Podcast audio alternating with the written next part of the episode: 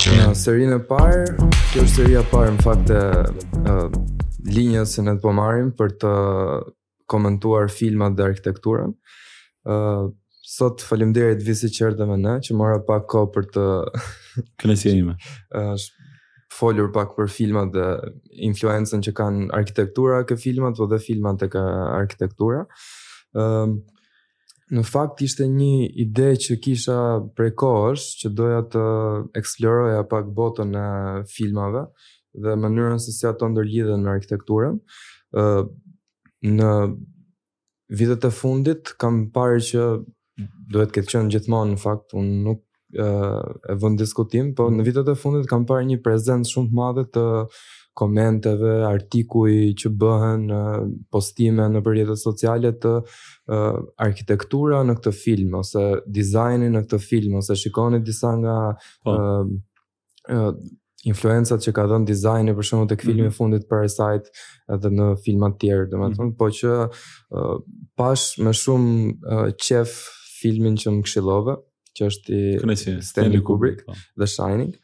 ë uh, dhe ngela pa fjalë në fakt, është një uh, në fakt, në fakt, ë uh, më tepër më la një lloj ndjesie, mhm. mënyra e përtej uh, dizajnit, uh, ajo çka filmi linte si, si një lloj uh, ndjesie në, në momentin mbrapas kur e shihje, uh, do të falenderoj dhe një herë që erdhe dhe sot për të folur për këtë film, por uh, do, nuk do doja pa thënë edhe pak a shumë nga background-i jot që ti ke studiuar në akademi. Po.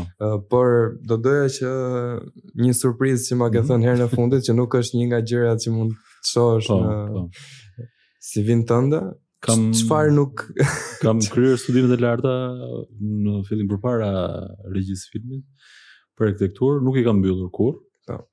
Nuk i përfundova, por kanë marrë një pjesë të madhe të të jetës sime duke filluar që nga shkolla e mesme jam rritur në Athinë aty e kam kryer dhe studimet e mesme dhe të larta po. që kanë të bëjnë me arkitekturën kryesisht me interierin ë uh, mbi filmin unë jam Elvis Lule po. regjisor ë uh, 38 vjeç si shkollë të fundit kam mbaruar regji filmi dhe televizion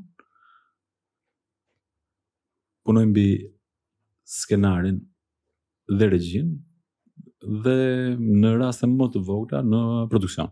Po. Konkretisht mbi mbi produktin që ne paradiskutuam bashkë mbi The Shining të Stanley Kubrick, një prodhim i vitit 1910, adaptim i një novele të Stephen King, me skenar të Stanley Kubrick dhe regji po të atij,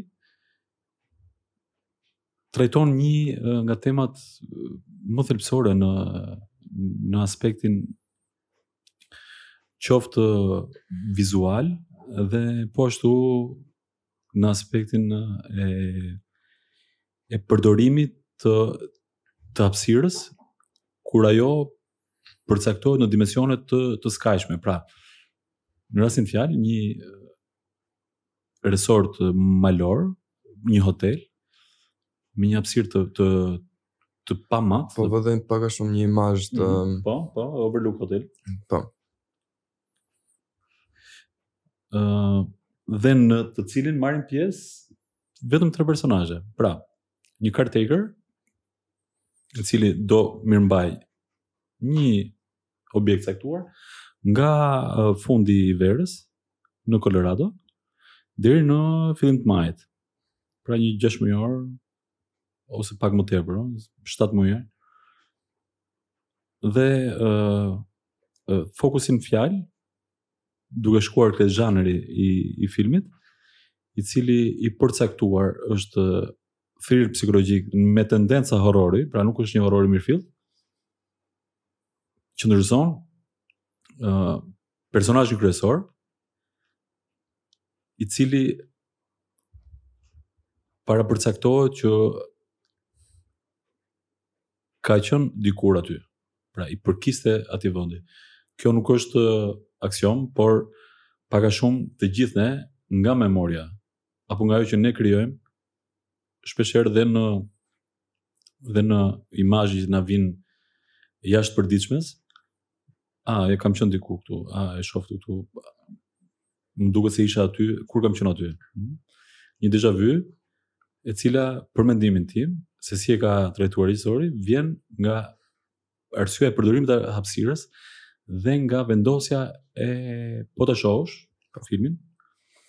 Vendosja kryesisht e the point of view e regjisorit është e qendërzuar, është simetrike. Si në lartësi, dhe në gjerësi. Tani që po më thua po e ku e... dhe pikërisht kjo kjo shpesh herë na ndodh dhe në në në aspektin e që ne interpretojmë si déjà vu ka të bëjë me hapësirën dhe me përdorimin e hapësirës qoftë në interier apo në eksterier duke ë uh, qen në cilin pozicion kemi qenë në momentin e caktuar po. dhe ajo na sjell memorie ose na rimemorizon një objekt apo një objekt tjetër të cilët ngjasojnë. Ë uh, në fakt tani që po tani që po e ridëgjoja nga ty, uh, më kujtua uh, një pjesë e uh, e filmit ku në vazhdimësi të asaj që the ti, pasi ky personazhi kryesor merr detyrën për të mirëmbajtur po. hotelin uh, me familjen e tij në periudhën e e sezonit sezon ku, dimëror, po, që është. Uh, nuk ka pushues dhe hoteli duhet të mbyllet për të mm -hmm. arritur ato shpenzimet dhe për të po, po, po. rivazhduar pra verën tjetër. Uh, personazhi kryesor bashkë me familjen e tij prezantohet me hotelin në ditën e fundit të hotelit po. dhe uh, një nga kuzhinierët e, e hotelit uh, në një bashkëbisedim dialog me djalin e personazhit kryesor, ë flet për një ë po them iluminim term që quhet the shining, the shining vegimi ë një lloj aspekti të të një ndërlidhje që ka personazhi me vendin ku ai mm -hmm. ku ai shkon. Domethënë përveç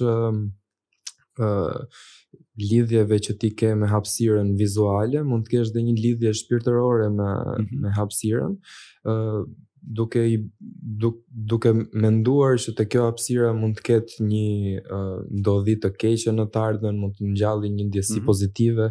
Domethënë ti ke një ndërlidhje në të ardhmen duke qenë në të tashmen me një uh, fije telefoni që nuk ekziston. Pikërisht, patjetër. Për të thënë, patjetër. Kështu që te te kjo uh, aspekti i uh, shining ose mhm. iluminimi, iluminimi, uh, vegimi ose po, vizioni uh, ose është një është një aspekt kyç që do doja ta ta diskutoja me ty, domethënë. Patjetër, mendoj që kryesisht ka të bëjë me me memorien, me memorien vizuale. Mm -hmm Dhe pikërisht për këtë arsye regjisori dhe autori në rastin në fjalë që ose tashmë në kinema ne i quajmë bashkautorë, pra drejtor i fotografisë.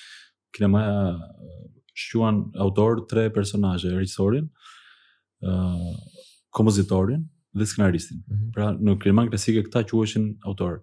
Tashmë sot në kinemanë moderne të viteve që ne flasim, autorësia mbi filmin ka kaluar është në një spektër më të gjerë. Dhe në bashkëpunim, pra në atë kohë dhe në vitet e 10, sado në klasicizëm që quheshin këta tre autorë, drejtori i fotografisë ishte një pjesë shumë e rëndësishme e përkthimit të imazhit dhe të ndjesisë së regjisorit të autorit uh, vizualisht dhe mënyra e trajtimit. Pra, sepse në fund ajo që merr ti është imazhi vizual Përveç asaj dhe audio dhe mënyra e trajtimit të të audios të efekteve dhe gjithçka tjetër, sepse është nga duke u diktuar nga zhanri, e ka të parapërcaktuar që një pjesë e rëndësishme e filmit, me mbi 60% është, është efekti audio. Në rastin në fjalë, përdorimi i hapësirës, unë do ta do ta shquaja në tre faza, ëh, pra duke u nis nga filmi, nga Overlook Hotel, që është interieri i hotelit, pra atë çfarë atë çfarë shohim ne në film, ëh, në produktin final. Sepse në xhirime, në lokacione janë është diçka tjetër, ëh. Janë xhiruar në vende të tjera, interiere të ndryshme. Dhe pastaj është shitur si një e tërë, pra siç është filmi, atë që krijon montazhi, pra, që ti sheh një histori nga fillimi deri në fund dhe mendon po. që kjo rrjedh zakonshëm, natyrshëm. Dhe unë e shoh në tre, në, në tre faza, si përdorim i hapësirës, të cilat janë interieri i hotelit, një hapësirë uh, me kapacitet mendoj rreth 1500 persona, ndërkohë në të bëjnë pjesë vetëm 3 individë, që janë pjesë e një familjeje, babai, nëna dhe djali i vogël. Rrethi i dytë është ose cikli i dytë është aspekti ku përdoret, uh, s'po më vjen fjala, pjesa e jashtme. Ëm mm -hmm. Mhm. uh, eksterieri? Jo, ku përdoret uh, labirinti? Po. Pra labirinti është cikli rrethi i dytë i ciklit të përdorimit të hapësirës. Po. Ndërsa rrethi i tretë i përdorimit të hapësirës është moti. Pra, ata shkojnë në fund të gushtit, fillon vjeshta, kalojnë dy muaj, vjen dimri dhe uh, kufizimi në në aspekt pra në sajë të të motit krijon rrethin e tretë pra që ata nuk mund të dalin nga një territor i caktuar për arsye të shkaqeve natyrore që pa. Po. që ato krijojnë. Pra janë tre rrathë brenda ë uh, brenda të njëjtës histori. Tre rrathë që kanë vështirësitë e tyre brenda. Patjetër. Prandaj ai trajton në atë formë, kryesisht dhe në skenat se si i ka se si i ka interpretuar skenat, si i ka montuar skenat linearisht, i ndan rrathët njëri pas tjetrit. Pra nuk nuk tenton kryesisht të punojë me interierin dhe të ndërhyjë me eksterierin, pra mbaron me interierin, kalon në eksterier, pastaj futet në labirint. Ma. Në këtë aspekt, mendoj që dhe qëndërzimi që regjisori bashkë me drejtorin e fotografisë kryejnë për të vendosur aspektin simetrik. Përse? Aspekti simetrik në sipas mendimit tim, në atë analizë që unë kam kryer mbi filmin, vjen si si arsye e përgatitjes së publikut për të qenë safe, Mund që të dy krahët si horizontalisht dhe vertikalisht ti arrin t'i menaxhosh në një mënyrë uh, shumë të sigurt, ah. duke qenë i qëndërzuar. Ndërkohë, zhanri është një diçka tjetër, dhe aty luan me pjesën e efekteve speciale të audios që jep një dinamikë tjetër komplet të gjithë të gjithë veprës. Aspekti simetrik duket uh, që në pamje të parë nga jo përtej vendosjes së kamerës ose syrit të filmit dhe që nga dyshemeja përdorimi i moketeve që janë me forma po simetrike, të qëndërzuara, dhe duke u ngritur ke muret pastaj që janë gjithë kolonat vertikale po simetrike me ndriçimin simetrik pra gjithçka është një simetri e e tepruar diku diku si të themi ka po po shikoja thjesht për të dalë pak nga mm -hmm. po shikoja dhe disa interiere që ishin inspiruar nga filmi uh -huh. për ta mbajtur prap këtë këtë simetri mm -hmm. dhe këtë qendërzim duke përdorur uh, mokete në mhm. apartament ose mënyra mhm. ndriçimi ose mhm. mënyra uh, për të për të treguar dy dyer me të kuqe mm -hmm. që janë prap po, po. uh, uh, uh, që i afrohen pak a shumë idesë filmit. Uh, unë më la pak një, domethënë, më ngjalli dhe një lloj, uh, domethënë, të gjitha këto rrathët e, e, për, për cilët fole ti, po. uh, do i përktheja shumë thjesht në përditshmërinë tonë, uh, dhe do, do mundohesha t'i t'i interpretoja si uh, pjesa brenda ku ne jemi në shtëpi, dalja tek uh, tek labirinti që është qyteti. Patjetër, patjetër. Dhe më pas ë uh, në labirint sipër dhe në vendin ku aktori kryesor vdes në mm -hmm. skenën e fundit mm -hmm. është moti, sepse moti është një nga uh, ato efektet speciale të përditshmërisë tonë, që në një farë mënyre i jep i jep vështirësi ose lehtësi uh, interagimit tonë social midis njëri-tjetrit. Po, kryesisht krijon uh, gjendjen. Po, patjetër. Domethënë na bën të ndahemi apo na bën të bashkohemi më, më tepër. Për shembull, po shikoja uh, kohët e fundit, uh, fakti që vera mbaroi dhe filloi mm. ky dimër me këtë shiun që s'po mbaron uh, kurrë neve sikur po po shkëputemi pak më tepër, unë ty të kam parë pak më tepër se sa në verë ose po, po, po. persona të tjerë më shkruajnë dhe më thonë kur do të takohemi, ndërkohë mm. që në verë s'kishte nevojë fare të interagoje sepse mm. mjafton mm. të dalësh nëpër këto baret e Tiranës. Labirinti, po po, dhe e gjen e gjen njëri-tjetrin aty. Ëm uh, pastaj do doja të evidentoja mhm. pak të sensin e çmendurisë që të jep të ngjall ky film në në disa raste të të ndryshme.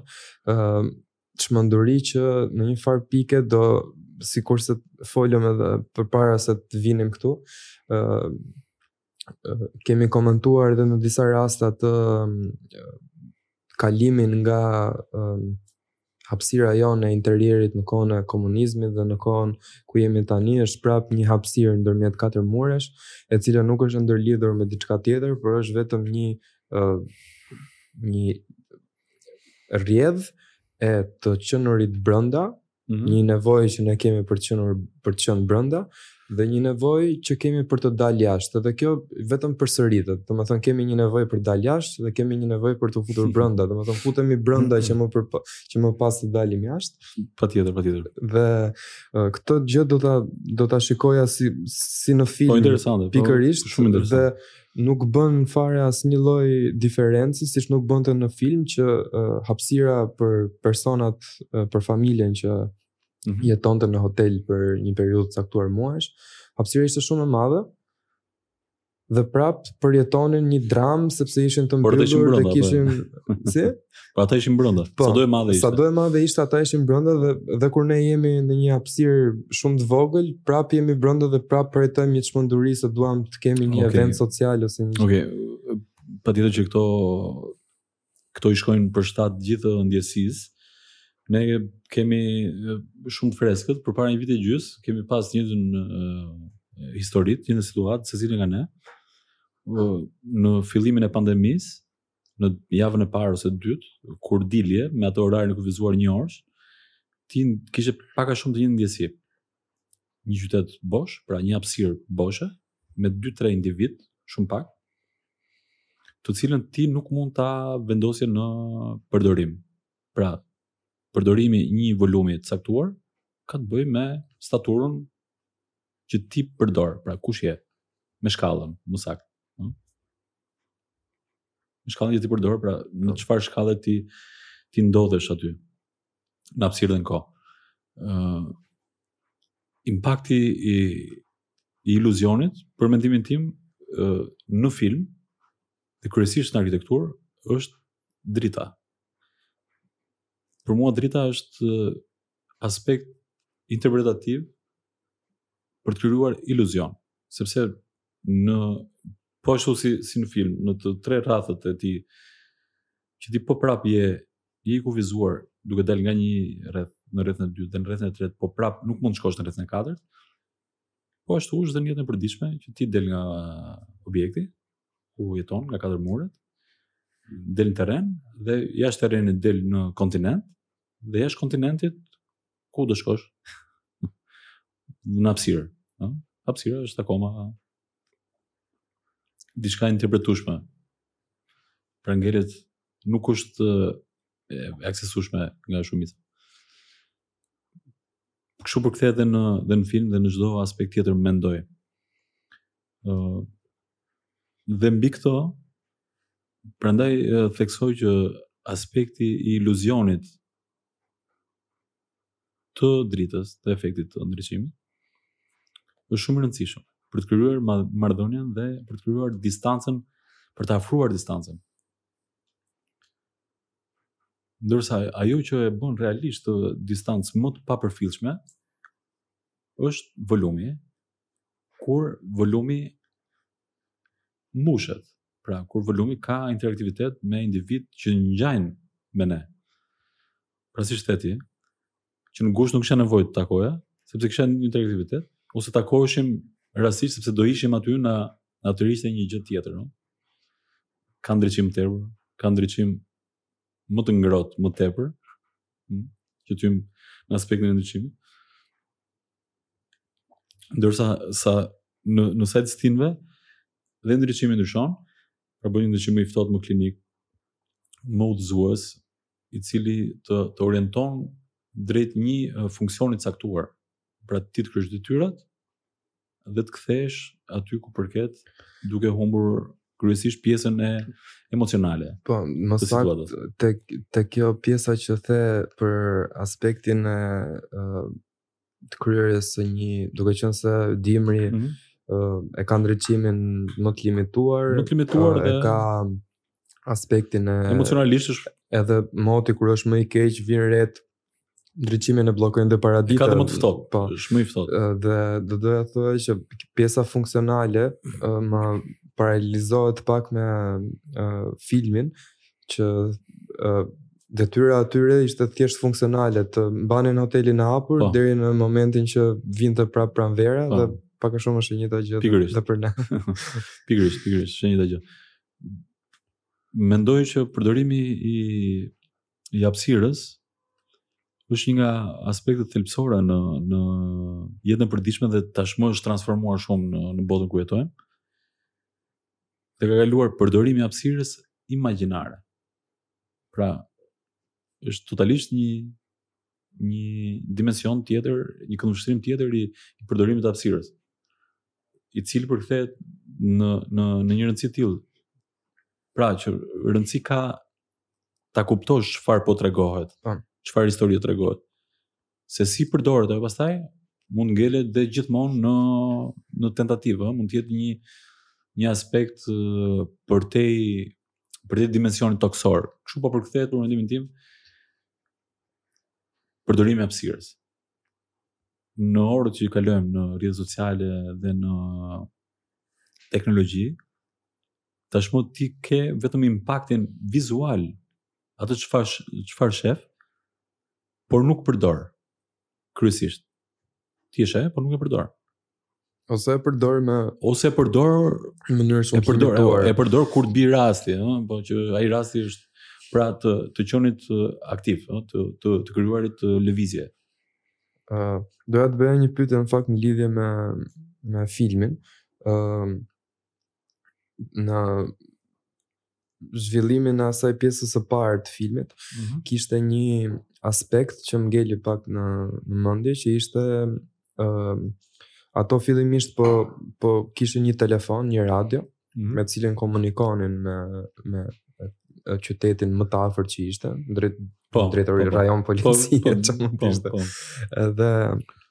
në një farë pike ato e humbin këtë këtë këtë lidhje me me këtë fijen e telefonit. Mm -hmm. uh, aty në film shpjegohet që ra linja prej kohës së keqe, ë uh, ndërkohë që në disa skena tregohet që moti i keq kishte rrëzuar kamion, kishte bërë shumë aksidente, normalisht që linjën e telefonit s'e kishte po, po, po, problem fare. Kështu që dua të të pyes në në në çfarë sensi e ka e ka po se si e, e trajton historinë po, autori autori këtë detaj që në aspektin shfaqet shumë pak në po, po, po. film po ka aq shumë rëndësi ka shumë rëndësi ka shumë rëndësi sa... ka shumë rëndësi vetvetiu siç është dhe produkti ëh dhe dhe produkti fizik ëh në rastin në fjalë telefoni që për kohën në vitet 80 ka qenë diçka teknologjike, pra hynte te teknologjia. Diçka që ishte akoma në quhej inovacion, sado që vinte nga vitet 20, po. patjetër. Por quhej akoma inovacion për mënyrën e e shpërndarjes së tij, për kufizimin që kishte. Është e njëjta histori si me internetin. që u bë masive dhe në një farë pike dhe interneti do vi mendoj në të njëjtën linjë, ëh, pra tashmë ti nuk e percepton dot më që a ka internet, s'ka internet. Për ty thjesht është është një masë që duhet të jetë aty. Po, është është evidente, është aty. Pra këto impulset që shkëmbehen tashmë kanë janë bërë shumë të shumë të zakonshme, shumë random. Dhe në këtë aspekt prandaj ai e ndërpret ë uh, linjën telefonike që mund ta prishë një makinë apo një mot i caktuar, siç ndodh në rastin në fjalë. Dhe atë që nuk prish dot është radio. Ka një aparat radio i cila është e cila është e vetmja shpresë që ata mund të kenë një lloj komunikimi, ëh. Dhe se si mund ta prishësh këtë apar, këtë komunikim. Këtë komunikim mund ta prishësh vetëm kur njeriu ndërhyn. Hm? Kur personazhi kryesor Jack Nicholson, Jack Torrance, shkon dhe heq një pjesë të transmetuesit të radios. Pra valët e radios dhe valët e telefonit, diçka fizike, siç është telefoni, ëh, që akoma ka të njëjtin proces lidhet me anë të kabllit, ëh, është fizik. Dhe valët e radios që kanë transmetim antene, që është komplet diçka tjetër. Në këtë aspekt unë mendoj që regjisori ka ka trajtuar një vizion goxha interesant dhe për të por për kohën, sado që ka pas informacion se njëzet vjet në në Hollywood interneti ishte gja i njohur si projekt. Shumë i njohur biles. Dhe prandaj shkon në mbrojtjen e elementit të radios, në rastin fjalë, dhe hedhjes poshtë të një shtylle që mund të kaloj dikush që ti nuk e komandon dot se po. hedh poshtë. Por e gjitha kjo ka të bëjë me komunikimin. Pra se si ë uh, hapësira është dikush tjetër kur komunikimi mungon. Ky është thelbi dhe i, i veprës, mendoj. Po. Ë uh, në të gjithë në të gjithë zhvillimin e filmit ka një ndjesi shumë të theksuar suspansa në të mhm. treja në të treja këto grupimet po, po, po. e zhvillimit të ngjarjes siç i përmende më parë, pra interieri, labirinti dhe natyra jashtë. Po, ka një ide suspanse që e shoqëron gjatë gjithë kohës filmin, duke duke përmendur pjesën e, e parë të ë uh, ku interieri uh, në një farë mënyre uh, jepet si një lloj zbulimi në mënyrë shumë të avashtë, derisa në një farë pike unë filmin e kam filluar dhe e kam lënë në dy e kam parë në 3-4 seanca mm -hmm. sepse ë um, më dukej pak uh, një Hasa, ça do tregojë tani, mm -hmm. vazhdonte, vazhdonte dhe thoja, a mos do e shof, do e shof nesër këtë ça, ça shfaqet ke dhoma tjetër, ke, ke një po, pra, cepi tjetër, ke një, ke një, po. ke një dalje në një pjesë tjetër, pastaj fillon labirinti, që labirinti krijon një rrugëtim, te ky rrugëtimi vazhdon në disa Atire. minuta, pastaj prap suspansa e interierit që e eksterierit që në në të gjitha këto ti dije dhe pse eksterieri nuk shfaqej, mm -hmm. ti dije që jashtë është shumë ftohtë, po, po. jashtë është bor dhe në fund fare vjen vjen një nga këto makinat e borës mm -hmm. që ata mm -hmm. e dëgjojnë thjesht mm -hmm. nga jashtë dhe nuk mezi shfaqet domethënë po, si po, po. si makinë dhe do kisha qef që ta flisim dhe pak te pjesën e suspansës, domethënë si mund ta ndërlidhim këtë me pjesën e arkitekturës, ose me... Patjetër, uh, mendoj që arkitektura sot dhe kryesisht uh, arkitektura e interierit, Pra, e di pse sepse është ajo që të të përfshin më tepër sot. Eksterieri është në minorancë nga ko nga kohët e kaluara. Pra nëse do bënim një sondazh, nëse në vitet 80 si përdorej hapësira interier eksterier, mendoj që eksterieri do të zinte 70% të volumit të 100 përqindshit dhe 30% do ishte interieri. Sot është e kundërta, për mendimin tim, sot është 70% interier, pra zyra dhe shumë aspekte të tjera. Të lutem. dhe uh, po të marr dy. Patjetër.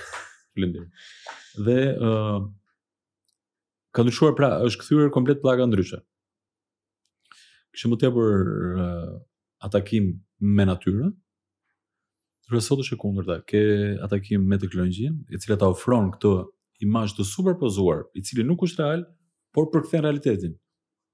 që ti mund ta kesh përpara një laptopi, përpara një që të zhvillohet edhe më shumë. Patjetër, patjetër, ajo do shkojë drejt deri në zhbërje, një sim domethënë. Deri deri në zhbërje dhe pastaj aty në zhbërje do krijojë një dimension tjetër.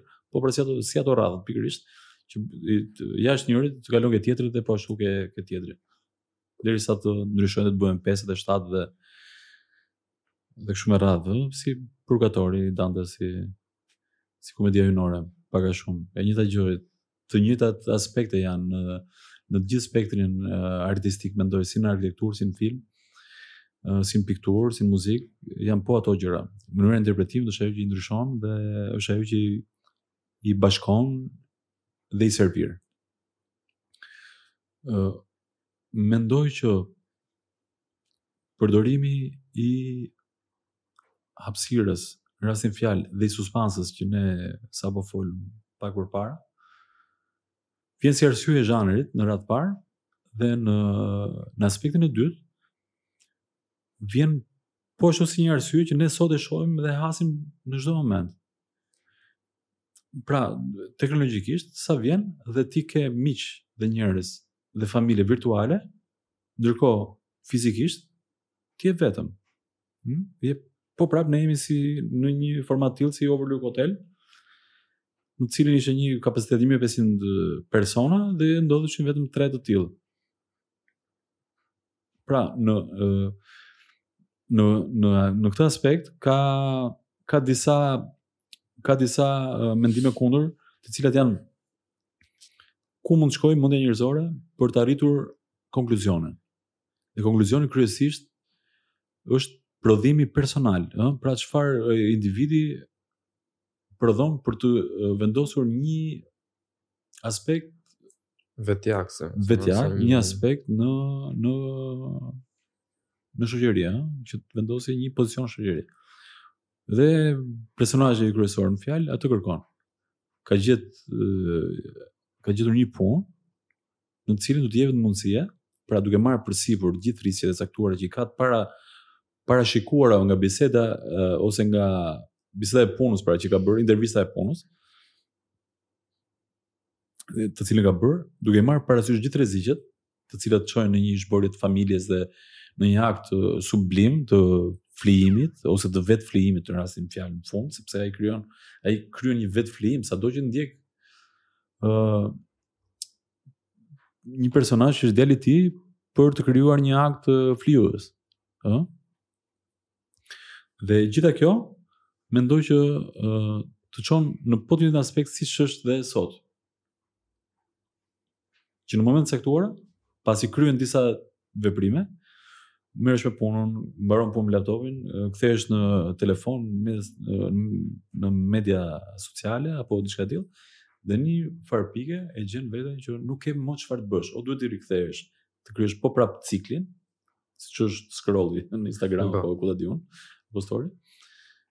Dhe kjo është bërë uh, Pak a shumë e e frikshme si situatë. Përse? Për arsye të konsumimit. Prandaj edhe në dhe në film ai vendos në një objekt shumë të madh i cili për ta konsumuar në në hapa si themi ose në metra katror do shumë kohë. 1500 që mund të kenë nga një hapësirë që po ta llogarisim në aspekt arkitektonik për qëndruar 3 ditë, herë x metra katror, secili duhet të përdori diku te 50 metra katror, themi, për 3 ditë, të kalojnë mirë aty dhe të ikin të shkojnë shpi, pra, 50 metra katror për çdo individ, herë 1500, sa i bie që ka për 3 individë caktuar që do jetojnë aty 7 muaj ose 8 muaj. Pra, du, në rastin fjalë mund të merreshin gjithë ato 8 muaj për të eksploruar objektin. Por, vetë objekti dhe interieri duke futur frikën në mes, çfarë krijon? Krijon impaktin e të shkuarit përtej të të imagjinueshmes. Dhe unë e shoh hapësirën në këtë aspekt. E shoh në aspektin shumë të rëndësishëm të përdorimit të saj, të mbushjes së saj, të uh, evidentimit të saj, të përdorimit të, të objekteve në formën e duhur. Po ta nisim nga nga Shqipëria komuniste, ne e dimë shumë mirë se si kanë qenë banesat këtu. Mënyra e përdorimit të banesave. Pra kur dikur diskutoja me me me tim at për një për një aspekt ishte nga aspektet më thelbësore në në jetesën e, e, e një individi, ai kishte mbaruar të njëjtën shkollë, inxhinieri në kohën e e tyre, ashtu quhej. Dhe e pyesja, pse nuk kemi ujë? Dhe më thotë që sepse sistemi inxhinierik i ujësjellësit për banesat nuk është i bërë saktë.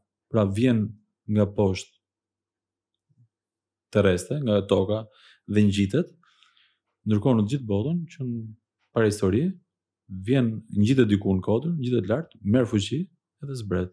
Dhe në gjithë botën ngjitet në kat të pestë dhe zbret deri në kat të parë. Me rrjedhje të lirë, me rrjedhje të lirë. Pra përdorimi i hapësirës nuk do të thotë që thjesht ti të jesh pjesë e hapësirës.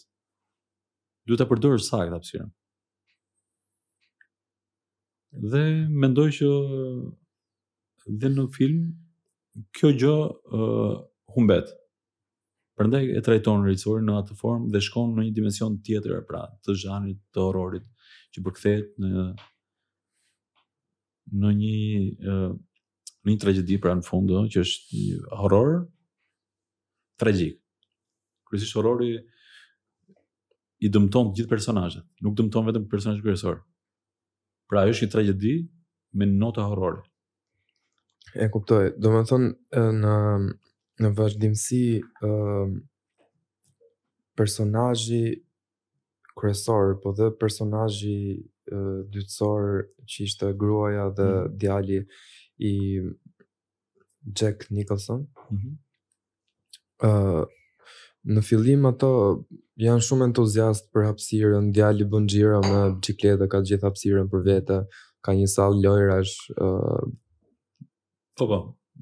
Mundohet luaj, uh, ai ka gjithë hapësirën për vete për të punuar, gruaja ka gjithë kuzhinën për të, për të krijuar objektiva për të vënë qëllime vetes edhe për të mhm. për ta përdorur hapësirën në mënyrë funksionale.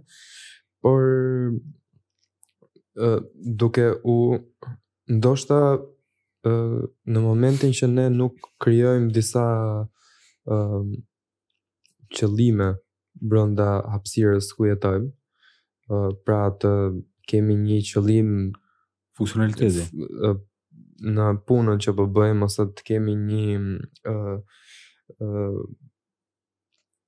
një gjë përtej asaj që na jep hapësira vet. Mund të kemi edhe një hapësirë shumë më të vogël, po te ajo hapësira mund të jemi duke bërë një film që na inspiron shumë ose një diçka shumë uh, interesante.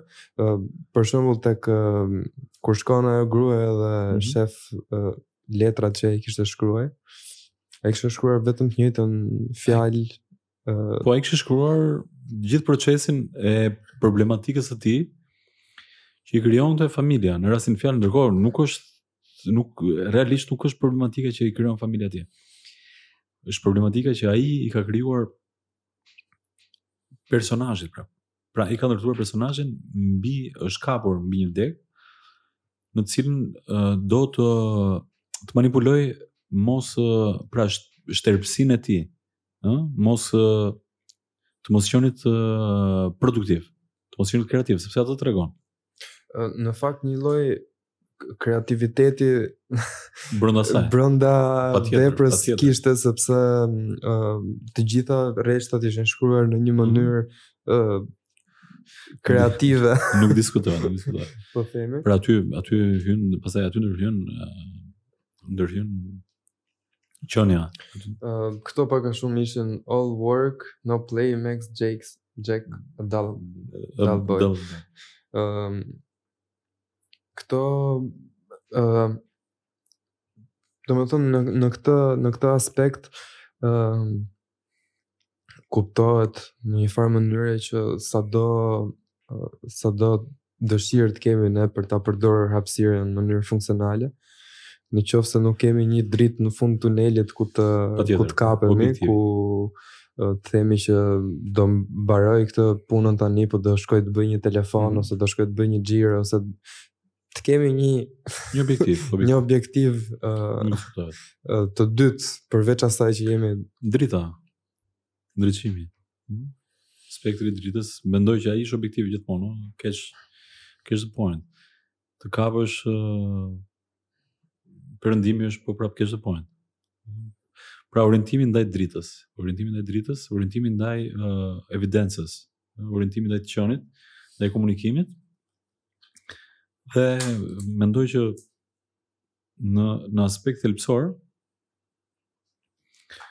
orientimi dhe përdorimi i hapësirës po ashtu si filmi dhe si si çdo si çdo vepër artistike ka zhanre dhe arkitektura ka zhanre Pra një interier unë mund të kërkoj nesër që interierin e shtëpisë time, e ambientin ku banoj, ta kem të zhanrit horror. A mund ta kem? A mund ta kem romantik që ça është sot? Baroku në çfarë zhanri hyn? Në zhanrin uh, e përditshëm atë që jetojmë më filmik. Uh, në një farë mënyre uh, ndoshta nuk është hoteli mm -hmm. ambienti optimal që ti të kalosh muaj të tërë. Patjetër, po, hoteli ka në rastin në fjalë vendoset si një shtojcë për një arsye.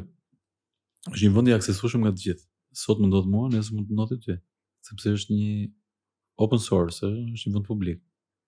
sot jam unë, nesër je ti. Prandaj dhe në film ai thotë uh, Mr. Torrance, ju keni qenë gjithmonë këtu, s'keni larguar kurrë nga këtu. Por kam qenë dhe unë këtu, siç ka qenë ai. Pra, prandaj vendos një hotel, pse nuk vendos një shkollë? Hmm? Shkolla është e përcaktuar, do shkojë X person i caktuar nga një moshë deri në një moshë caktuar. Pra përdorimi i objektit ë në aspektin jo filozofik, në, në aspektin uh, antropologjik. Hoteli është i vetmi objekt, mendoj, që është open source totalisht. Aty hyn kushdo dhe del kushdo nga aty. Gjithë tjerat e kanë të përcaktuar. Stadiumi, ky, ai. Edhe stadiumi pak a shumë po e kuptoj. Ë uh, ajo që mendoj është uh, e para do mundohesha të shikoja si një ë të hidhja një pikëpyetje dhe për të thënë që në qoftë se një arkitekt do projektojë një hotel që do mbetet i mbyllur për periudhën e dimrit dhe që nuk ka akses si mund ta bëjë jetën më të mirë për një familje që shkon atje dhe i do i duhet të jetë izoluar, domethënë kush janë disa nga uh, mënyrat.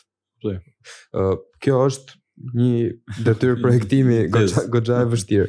Uh, gjithsesi, uh, po në podcastin e dytë që kam bërë, uh, ka qenë arkitektura e uh, anijeve kozmike, mm -hmm. uh, e cila në kohën kur janë kanë filluar të prodhohen dhe de, po. deri tani kanë qenë uh, hapësira mjaft teknologjike nga brenda. Uh, dhe ngrihej pyetja e një uh, eksplorimi shumë të gjatë hapësinor dhe si mund ta bëjmë një hapësirë për disa njerëz që ta banojnë këtë hapësirë për një kohë të gjatë dhe të kenë një ë uh, ndjeshmëri njerëzore brenda. Dhe një nga uh, arsyet se uh, që u fol tek podcasti ishte për shembull uh, krijimi i një uh, tavoline buke brenda mm. anijes kozmike ku astronautët mbas gjithë punëve që kanë bërë gjatë ditës ulen dhe kanë atë bisedën që kemi ne në familje oh. që në fund ditës ulemi hamë diçka dhe flasim oh, oh. kemi një mbledhje të vogël mini mbledhje grupi po pra gjëra po, gjëra më më genuine më më normale më normale po. por kjo për mua përbën po prap një një lloj kontradikte në aspektin arkitektonik, pse? Të të krijosh eksterierin interior, ëh? Po a, që, a do quhet më interior apo do quhet se nuk e di, eksterior në interior si mund të quhet? Hm?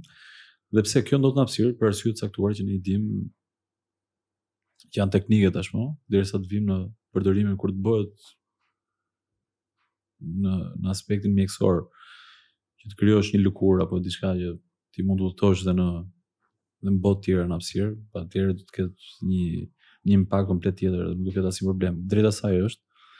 Por arkitektonikisht mendoj që kjo ka disa vite që që përdoret, ëh, wallet, muret jeshil brenda hapësirat ujore po ashtu brenda interierit, që logjikisht në interierin klasik nuk qëndrojnë, no?